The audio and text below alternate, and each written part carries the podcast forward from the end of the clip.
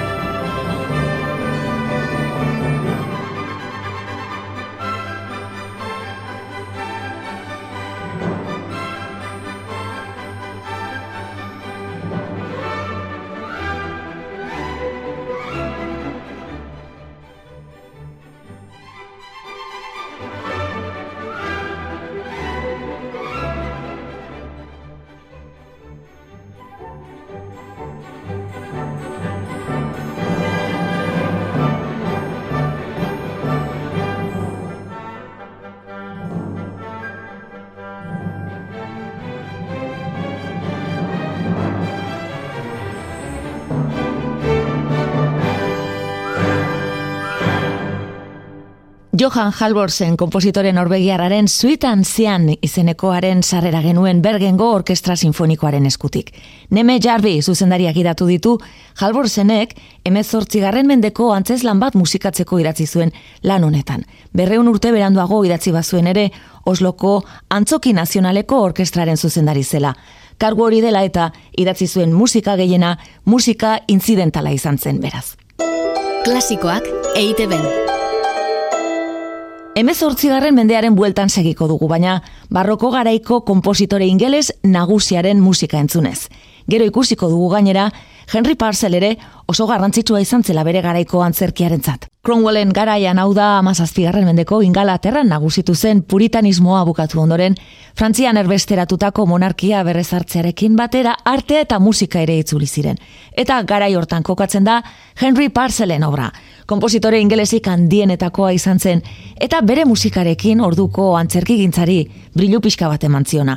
Batzuren iritziz Parcelen komposizioak onegiak ziren, eta haien ustez zain interes gutxi duten tekstuak musikatzen, demora galdu baino ez zuen egin. Aldiz, argi dago antzerkiaren munduarentzat salbagailua izan zela bere musika. Shakespearen garaionak oso atzean geratuak baitziren.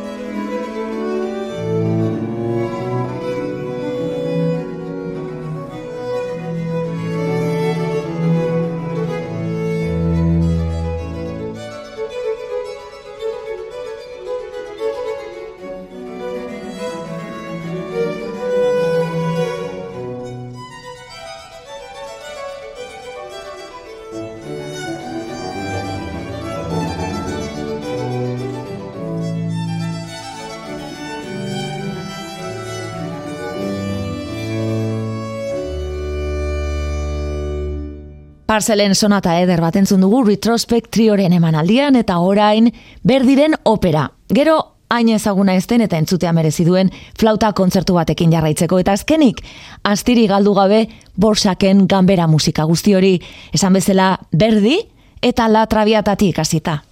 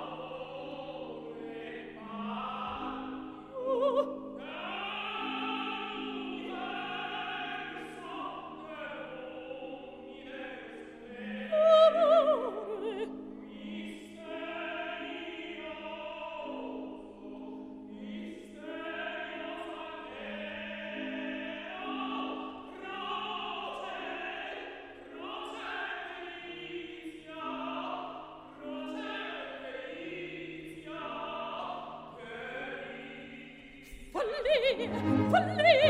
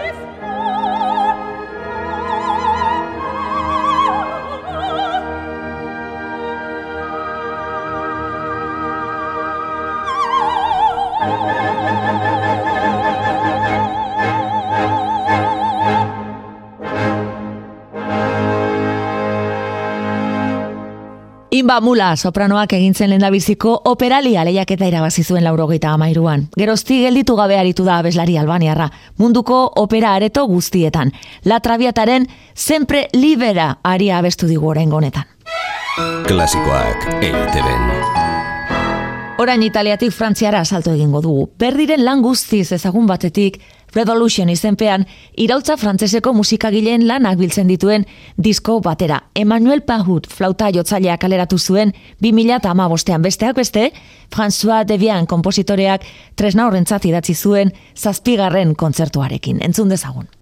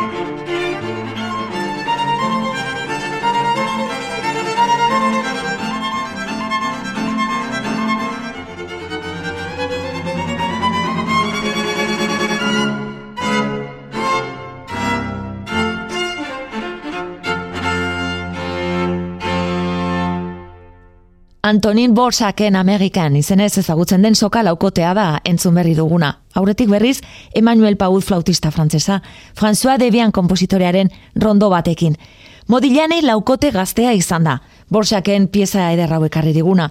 Erromantizismo garaiko ganbera musikaren ederrenetakoa. Amerikar beltzen eragin zuzenarekin. Erritmo aldetik eta baita ere melodian. Klasikoak EITB-en. Horai garai beretsuan jarraituz, Alfredo Catalani italiarrak mila sortziron da irurogeita emezortzian komposatu zuen skertzo izeneko lan ederra entzungo dugu. Catalani ere oso gazti hiltzen, hogeita emeretzi urterekin tuberkulosiaren gatik. Saio bertan entzun dugun Henry Parcellen antzera, baina ingelesa hogeita amasei urterekin zendu zen. Catalani, Lauali izeneko operari eskerda sonatua, baina bere orkestralanak ikusiko duzuenez ez dira atzera geratzen.